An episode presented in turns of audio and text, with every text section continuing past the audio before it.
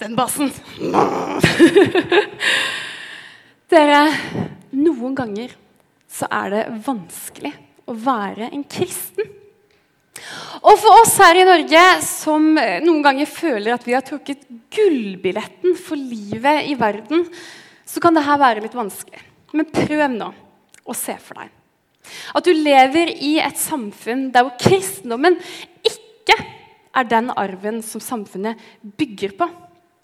Der både samfunn og kultur er prega av slaveri, straff, utnyttelse, fattigdom og tortur for de som ikke følger normen. Og Da snakker vi ikke om kommentarfelthetsmotstand, på en måte, men tortur og fengsel og dødsstraff for de som lever litt annerledes enn det som staten ønsker. Og nå er det ekstra tøft. Du er helt fortvila, på randen til å gi opp, i hvert fall bryte sammen. Du har holdt ut mye motstand, men nå får nok være nok. Hvor mye skal du egentlig gi og gi uten å få en eneste liten oppmuntring tilbake? Hva er egentlig vitsen med denne troen her når livet uansett suger og ting ikke blir noe bedre? Hvor er det her livet i overflod som Jesus snakker om? Det har i hvert fall ikke du sett noe til. Men så kommer det noen på besøk. Og de har med seg en papyrus et brev skrevet fra en som sto veldig nært Jesus. Og dere samles, dere som er menigheten. Og så leses brevet høyt. Ikke keitete lest i det hele tatt, selv om det er vanskelige bokstaver. For den personen som leser, han har lest det her så mange ganger. Han kan det nesten utenat. For det taler rett inn i livene deres.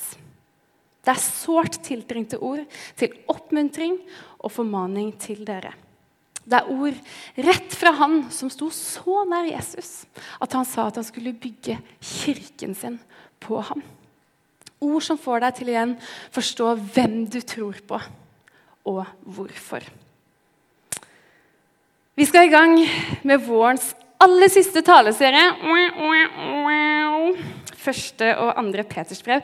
Trofast skal vi snakke om de neste ukene. Og Kanskje du har litt sånn særskrivnings-OCD som meg og tenker kjære vene, kan de sette sammen det ordet? er det noen her inne? Altså, vi har gjort det med Ja, det er noen. Vi har gjort det med vilje. Fordi noen mennesker de har en urokkelig tro. Kanskje du kjenner noen sånne? Der de har tro, og de står fast uansett hva de møter i livet. Så vi har gjort det litt ordspillaktig med vilje. Jeg håper du klarer det i hjernen din.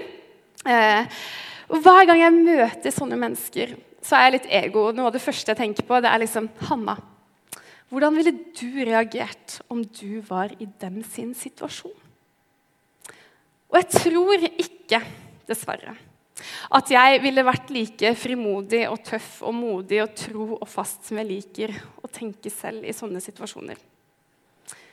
Og så er det ikke så tilfeldig at denne taleserien om å være trofast kommer helt på slutten av et touchpoint-år. Fordi at det kan hende at du går en sommer i møte med masse leirer og påfyll og god kristenstemning. Eller så kan det hende at du skal hjem til noe helt annet og en gjeng som syns det er rart at du er en kristen. Og Uansett hvordan sommeren og høsten ser ut for deg og meg, så er det én ting som er sikkert i dag, og det er at det blir ikke noe lettere å være en kristen i vårt samfunn. Så det å være kristen i dag, i møte med motstand, i møte med verden og i møte med livet, det skal vi snakke om i de neste ukene ut ifra første og andre Peters brev. Og så håper jeg at du åpner din egen bibel hvis du har en, og leser med. Strek under, undersøk det du kommer over som du lurer på. Det er så viktig, og jeg tror du vil være rik etter du har gjort det. Og Hvis du er her i kveld og ikke har en bibel, eller bare har lyst på en ny bibel, så har vi veldig lyst til å gi deg en. Inne på det rommet etterpå, bønnerommet, så er det mennesker som har lyst til å gi deg en bibel hvis du har lyst på det. Dere, livet med Jesus er fantastisk. Det er rikt. Og jeg vet ikke hva jeg ville gjort i mitt liv hvis jeg ikke hadde Jesus. Det er jeg helt sikker på hvis jeg ikke hadde håpet om evangeliet. Og Noen som eh, er kanskje litt utenfor, de tror at vi som er kristne, er det av frykt. Eksempel. frykt for å ikke komme til himmelen når vi dør, eller noe sånt. Men spør du en kristen som du kjenner, om liksom hvorfor de er kristne, så tror jeg det er noen andre ord som vil forekomme mer når du får et svar. Og det er kanskje glede, trygghet, frihet, mening, håp og en venn i Jesus. Men så lever vi i en spenning, og det vet vi. Og vi vet, kanskje du mer enn meg, at det å være kristen i dag ikke er ensbetydende med at livet går på skinner. Vi som lever med Jesus her på jorda, vi møter alle slags utfordringer som alle andre mennesker møter. Sorg, sykdom, tap, nød, kriser. Vi er ikke skåna for livets brutaliteter, og det vet vi. Kanskje du har kjent det på kroppen selv. Latterliggjøring er også noe som preger de kristne i nyhetsbildet i Norge i dag. Jeg vet ikke om du har sett det? Er de helt blåst, liksom? Hvordan kan de tro på det der? Eh, det har i hvert fall jeg fått både spørsmål om og kommentarer på flere ganger. Mens andre steder i verden så opplever de jo regelrett forfølgelse. Og de lever i frykt for livene sine hver dag fordi de er kristne. Men likevel så tror vi at det å følge Jesus er verdt all motstand vi kan få. Og kanskje nettopp den utholdenheten som mange kristne som lever under motstand, viser, kan være et vitne til mennesker om at denne troen, som så mange milliarder mennesker har delt opp gjennom årene, er veldig verdifull og viktig å verne om. Vi skal inn i Bibelen i 1. Peter kapittel 1. Og Der får vi på en måte en litt sånn anelse av hva som ligger nært Peters hjerte. Og Vi leser fra vers 3. Kanskje du har en bibel med deg selv. Der skriver Peter.: Lovet være Gud, vår Herre Jesu Kristi Far. Han som i sin rike miskunn har født oss på ny til et levende håp ved Jesu Kristi oppstandelse fra de døde, til en arv som aldri forgår, aldri skitnes til og aldri visner. Den er gjemt i himmelen for dere, dere som i Guds kraft blir bevart ved tro, så dere når fram til frelsen. Den ligger alt ferdig til å bli åpenbart ved tidens ende. Derfor kan dere juble av glede, selv om dere nå en kort tid om så må være, har det tungt i mange slags prøvelser. Slik blir troen deres prøvet. Selv forgjengelig gull blir prøvet til ild. Troen, som er så mye mer verdt, må også prøves så den kan bli til pris og herlighet og ære for dere når Jesus Kristus åpenbarer seg. Ham elsker dere enda dere ikke har sett ham. Ham tror dere på enda dere nå ikke ser ham. Og dere jubler og er fylt av en glede så herlig at den ikke kan rommes i ord.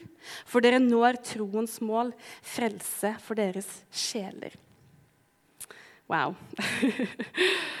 Peter skriver altså at vi kan holde ut alle slags prøvelser. Vi kan til og med juble når vi møter dem, fordi vi vet hvem vi tror på, hvem vi tilhører. Det er ganske sterke ord. Og det er faktisk mange mennesker som har sagt det samme. Skal du få møte deg. Dette er Martin fra Burkina Faso. Du står med ryggen til. For i april 2019, det er ikke lenge siden, så opplevde hun sitt livs verste mareritt. Martin er adoptivdatter av en pastor. Og etter en gudstjeneste Det er forresten Åpne dører som forteller denne historien på nettsidene sine. så dere kan gå inn og lese hvis dere lurer. Men etter en gudstjeneste som faren hadde holdt, så spurte han menigheten som var samla. De hadde snakka om å elske sine fiender. Og så spurte han hva var noe av det siste Jesus sa på korset. Og da svarte Martin, far, tilgi dem, for de vet ikke hva de gjør. Og Etter det så fikk faren hele menigheten til å be for fiendene sine. For de har fiender. De blir forfulgt for at de er kristne. Og det her er sant. Og like etter gudstjenesten, når de kom ut, så ser de at de er liksom omringa av bevæpna menn.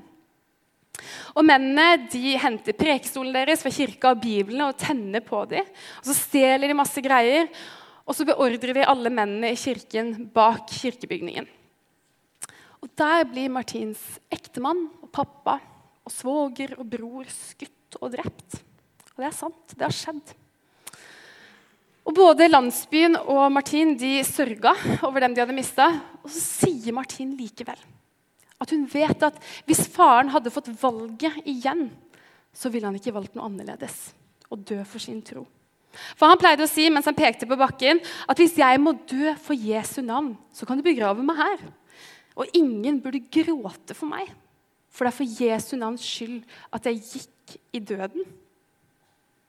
Martin var jo helt overlatt til seg selv etter dette. for i den kulturen så blir du gjerne tatt vare på av øvrig familie hvis noen av dine nærmeste dør. Men der var jo alle borte nå. Og så sier hun likevel og Hun fikk hjelp av åpne dører til sånn traumebehandling og kursing etterpå. Så sier hun noe som bare traff meg. Hun sier, 'Jeg sa til Herren, fra nå av er det du som skal ta vare på meg.' 'Jeg har ingen andre.' 'Du tillot dette å skje.' 'Herre, jeg stoler på deg.' 'Jeg skal verken vike til høyre eller til venstre.' Når noe skjer eller en tanke plager meg, pleier jeg å si, 'Jesus, husk bønnen min.' 'Jeg skal ikke vike til høyre eller venstre.' Det er bare til deg jeg løfter øynene mine. Ditt kors er mitt håp. Det her føles så fjernt fra å sitte her på touchpoint og synes det er litt flaut å si til frisøren sin at jeg er kristen iblant. ikke sant? I fjor så ble 5898 kristne drept for sin tro. Og det er en økning på 25% fra året før. Og akkurat nå så utsettes 360 millioner kristne for forfølgelse for sin tro i verden. Det er sykt. Det er svimlende tall, syns jeg. Og da brekner liksom nyheten om at laget ikke får lov til å servere boller på skolesamlingene litt. ikke sant? Selv om det var jo kjipt, det òg. Men historier om, og nyheter måte, om kristne som blir forfulgt for sin tro, det er ikke noe som når VG på førstesideoppslag her i landet. Men det skjer likevel. Og som historien til Martin så forbauses jeg gang på gang av hvordan disse utsatte og forfulgte kristne møter forfølgelse. For jeg vet ganske sikkert med meg selv at jeg tror jeg har bare lagt meg ned og gitt opp. liksom. Og selv om ikke alle disse historiene ender med liksom, utfrielse, mirakuløs utfrielse fra fangenskap og forfølgelse, så har de forfulgte kristne som opplever motstand, de har skjønt noe som vi ikke har skjønt. tror jeg. Nemlig at den troen de har på Jesus Kristus, den er det mest verdifulle de har. Til og med mer verdt enn livet selv. Det er litt sånn heavy kost, men er dere med? Ja. Brevene etter Peter her ser dere en papyrus av Peters andre brev. Det er skrevet på slutten av hans liv. Han var en gammel mann. Og så kan man si at de er ca. fra 60-tallet. Og Det er skrevet til kristne, både jødekristne og hedningkristne. eller eh, heder og jødninger, som jeg alltid skriver og sier. Men det er så fint i disse brevene, for man merker virkelig Peters liksom pastorhjerte, hyrdehjerte, for menigheten han skriver til. Han skriver ikke til én menighet, han skriver til mange menigheter i det som ligger i Tyrkia cirka, i dag. Peter han er bekymra for at de kristne skal falle fra troen fordi de opplever så mye motstand som de gjør. Og så sier man at 1. Peter hele brevet gjerne har blitt kalt en slags sånn forklaring eller kommentar til det Jesus sier i saligprisningene, om at salig er de som blir forfulgt for rettferdighets skyld, for himmelriket er deres.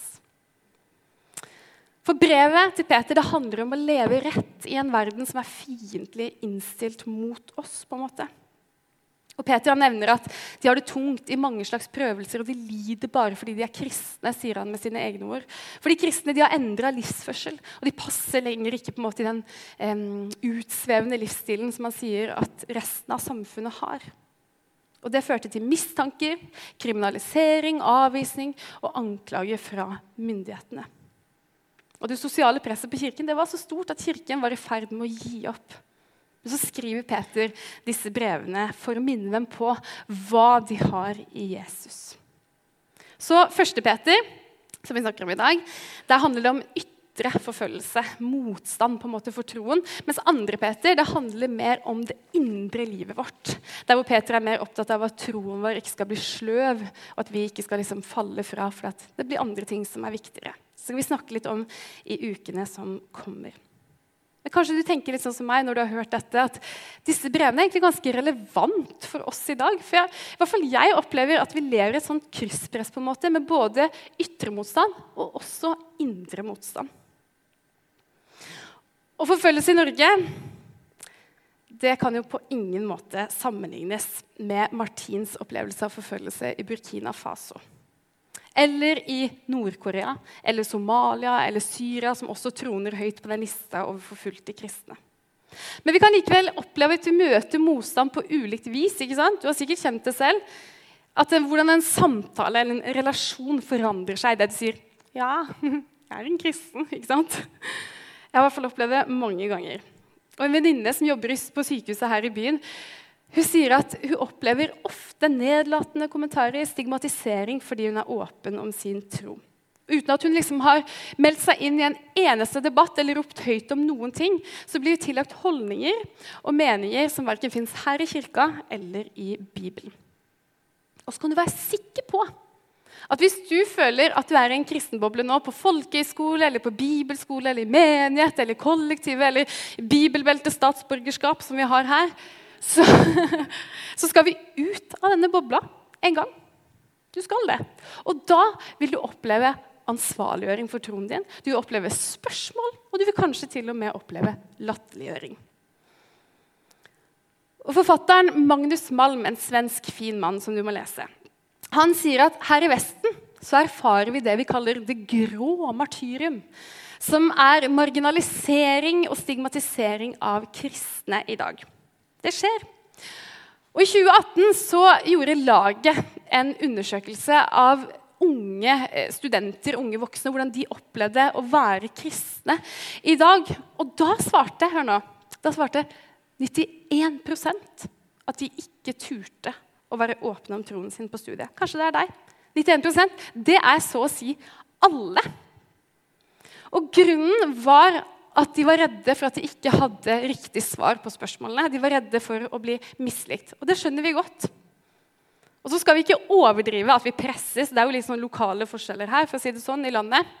Men presset er der like fullt. Barn, unge, dere, unge voksne, ungdom opplever å kjenne på det presset. Og da står vi overfor noen valg. Skal vi på en måte gå i krigen for det her? Skal vi bare tilpasse oss?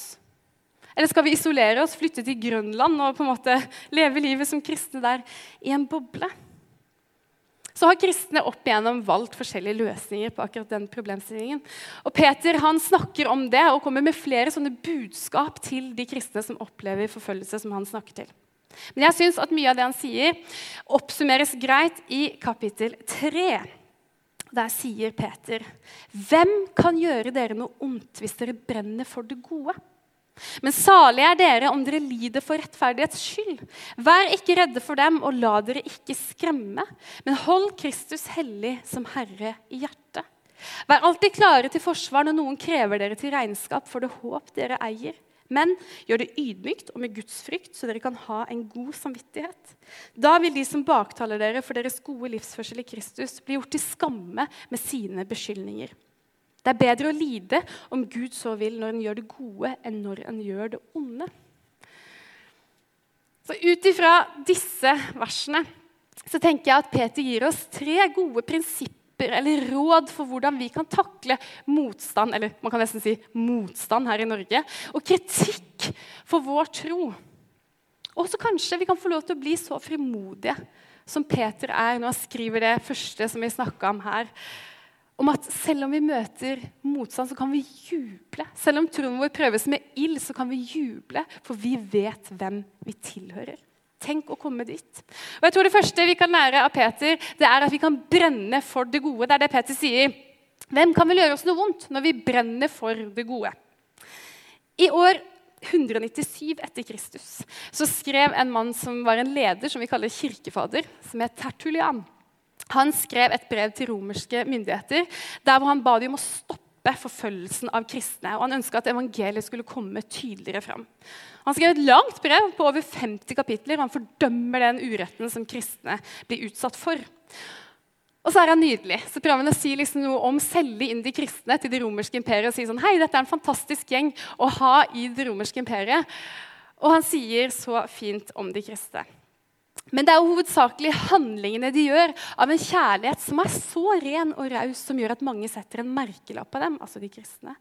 Se hvordan de elsker hverandre, sier de om de kristne. Se hvordan de elsker hverandre. Og sånn kan vi få lov til å være vitner tror jeg, om at vår tro er det kjæreste vi har. Og så kan vi jo lov til å lære av den forfulgte kirke og den første kirken at selv om vi møter omgivelser som er fiendtlig innstilt mot oss, så fortsetter vi å gjøre akkurat det som Jesus har kalt oss til å gjøre her på jorda. Å vise godhet og kjærlighet i praksis. Å sette andre foran oss selv. Å ha et tjenerskinn.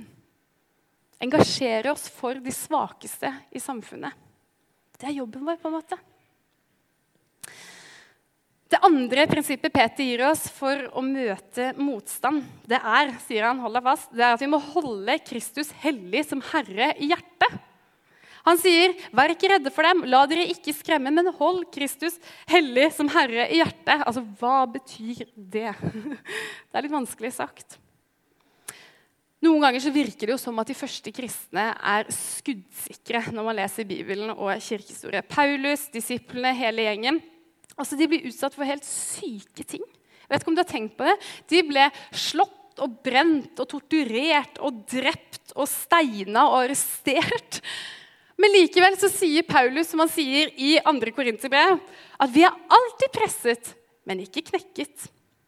Vi er rådville, men ikke rådløse. Forfulgt, men ikke forlatt. Slått ned, men ikke slått i hjel. Altså hm, optimist. Og jeg husker Hanna på 18 år som frimodig delte evangeliet med en på bussen til Grimstad. Og så sa han nei takk. Og jeg har aldri delt evangeliet på bussen siden.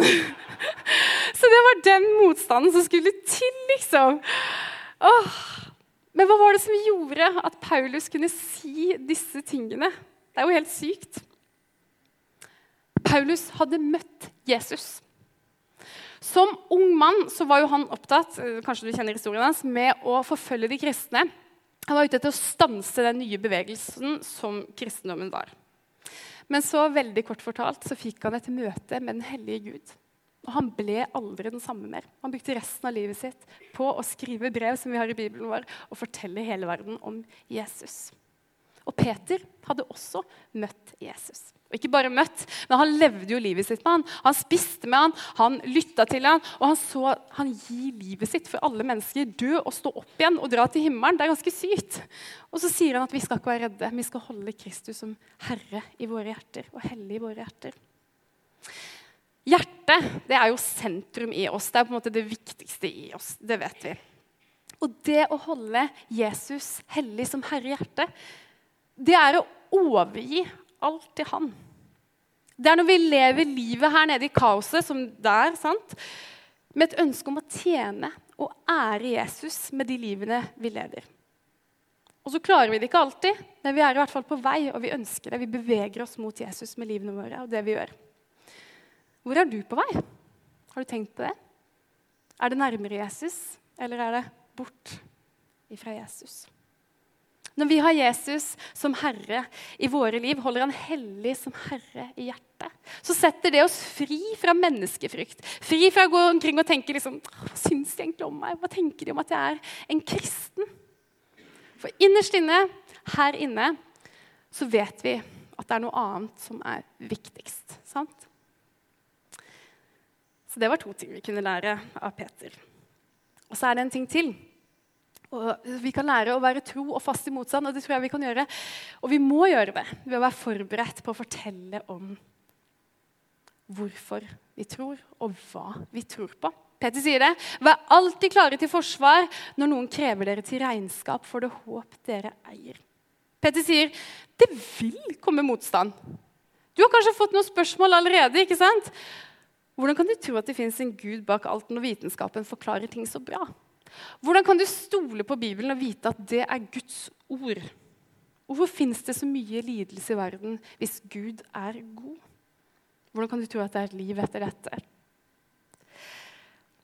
Om du skulle svart på noen av de spørsmålene i kveld, hadde du visst hvor du skulle begynne? liksom? Kanskje noen av dere hadde det? Det kan godt hende. Eller kanskje du sitter og tenker ah, helst ikke. Og kanskje det fort blir en del av statistikken til laget der hvor eh, man gjerne unngår å svare på sånne spørsmål eller si at man er en kristen, fordi at jeg vet ikke hvor jeg skal begynne engang. på en måte. Men Paulus, nei, Peter sier at jeg tror han er lur når han sier at vi skal være forberedt. Og da må vi være det også. Vi må forberede oss. Og det kan vi jo gjøre på mange måter, men jeg tenker hovedsakelig kjenne vår bibel. Jeg vet ikke med deg, men Det å ha noen gode lesevaner i Bibelen det er veldig fint. Å lære hvorfor ting står sånn som det står. Ikke bare pugge bibelvers og kunne noen, men faktisk kjenne Bibelen og hvor den kommer fra.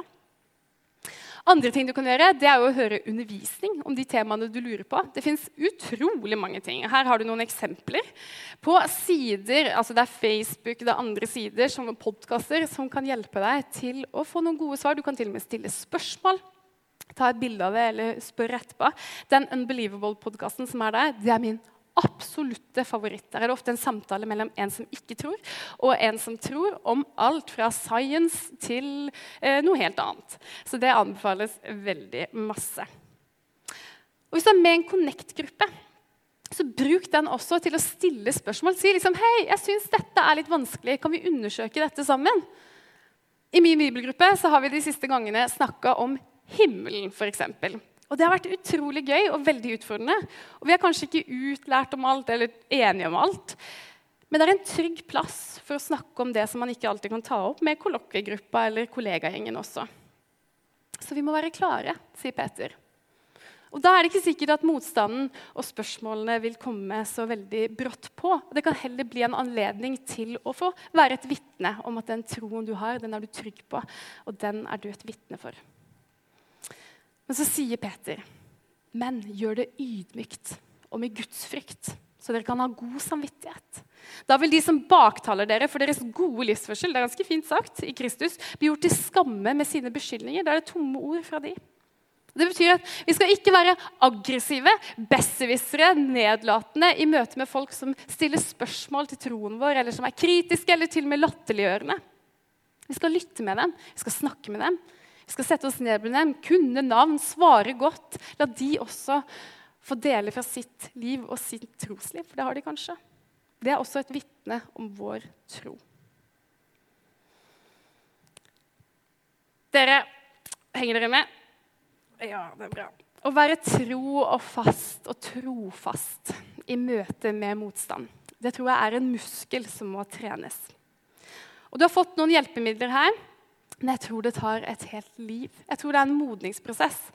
Det blir litt sånn som meg som på bare trening liksom når jeg trener bicepsen, må sjekke underveis i speilet. ikke sant? Har den blitt noe større siden forrige repetisjon? Nei. og det her er sant, men første gang jeg tok proteinpulver for to år siden, så måtte jeg gå i speilet og sjekke etterpå om det var noe forandring. Helt på ordentlig. Det tar tid. Det er ikke noe som skjer over natta. Vi må øve oss på det. Og det er en modningsprosess. Men jeg vet at prøvelsene jeg har møtt i mitt liv, det kan jeg se i etterkant har ført meg nærmere Gud. Det var utrolig vondt og sårt og nakent i det det sto på, for det avdekker jo på en måte litt hva som er viktig i livet mitt, og hvor viktig Gud er for meg, hvor avhengig jeg er av Han. Og så har det vært til modning for meg, kan jeg se i etterkant. Og så får vi ha et anker gjennom prøvelsene våre. Og vi vet at prøvelsene aldri får siste ord. Sant? Vi har håpet om at rettferdigheten til slutt vil seire, og at Gud vil ta et oppgjør med alt det vonde som skjer og har skjedd i verden. Og så får vi lov til å leve livene våre her på jorda nå med bøyde knær og løfta hender og tilhøre Jesus der hvor vi er i våre liv. Han har omsorg for oss, sier han. Og Til sist i kveld så har jeg lyst til å si noe som en palestinsk prest sa en gang. Han sa at prøvelsene har ikke noe med oss å gjøre. Motstand og forfølgelse for kristen tro, det handler om Jesus. Og Jesus sier det selv. Vi leste jo litt fra saligprisningen i stad. Han sier videre der at ja, salige er dere når de for min skyld håner og forfølger dere, lyver og snakker ondt om dere på alle vis. Gled og fry dere, for stor er lønnen i himmelen. Det er Jesu navn som forfølges. Jesu navn som kan endre liv. Helbrede syke, utfordre folk, endre samfunn til det bedre og frelse. Det er det som forfølges. Og det er ikke du som skal forsvare Jesus. Han trenger det ikke. Han har gitt deg alt allerede. Han er kongenes konge. Han skal komme tilbake og dømme levende og døde, som vi sier i vår trosbekjennelse, og vi tror på det. Og så har han likevel sagt at han er med oss alle dager, hele våre liv. Han er midt iblant oss, han elsker oss, og han har omsorg for oss. Er ikke det stort? Vi er heldige. Og jeg tenker, Hvis du er her i dag og ikke kjenner Jesus, hvis du kjenner at å, det, her, det høres fint ut og det er bra, og sånn, jeg klarer ikke å tro på det, eller jeg har ikke sagt ja til Jesus som min frelser, så gå inn der på bønnerommet etterpå under lovsangen med en gang etter talen. Det vil være folk der som vil snakke med deg, som vil be for deg. Og hvis du har andre forbundsemner også, gå inn der. Det vil også sitte folk der utover eh, mens det er kafé, så det er mulig å snike seg unna og gå der og få en samtale eller forbønn. Jeg anbefaler det på det veldigste. Og så tenker jeg i dag, Bakerst ved teknikerbåsen der så er det også en globe med et Kristuslys i midten. Ta Tenn et lys for noen forfulgte kristne. da. Våre søsken i andre land som ikke er så heldige som vi er her, som har, ah, jeg har fem bibler hjemme i hylla, trenger ikke flere. Eller som kan samles sånn som vi gjør nå, og prise Jesus. Tenn et lys for dem, husk på dem, be en bønn for dem. Be en bønn for vennene dine som kanskje ikke kjenner Jesus. Jeg tror det kan være bra. Men la oss be sammen nå. Jesus, takk for at vi får lov til å tilhøre deg. Det er så stort. Du er kongenes konge, og du kom for oss, Jesus.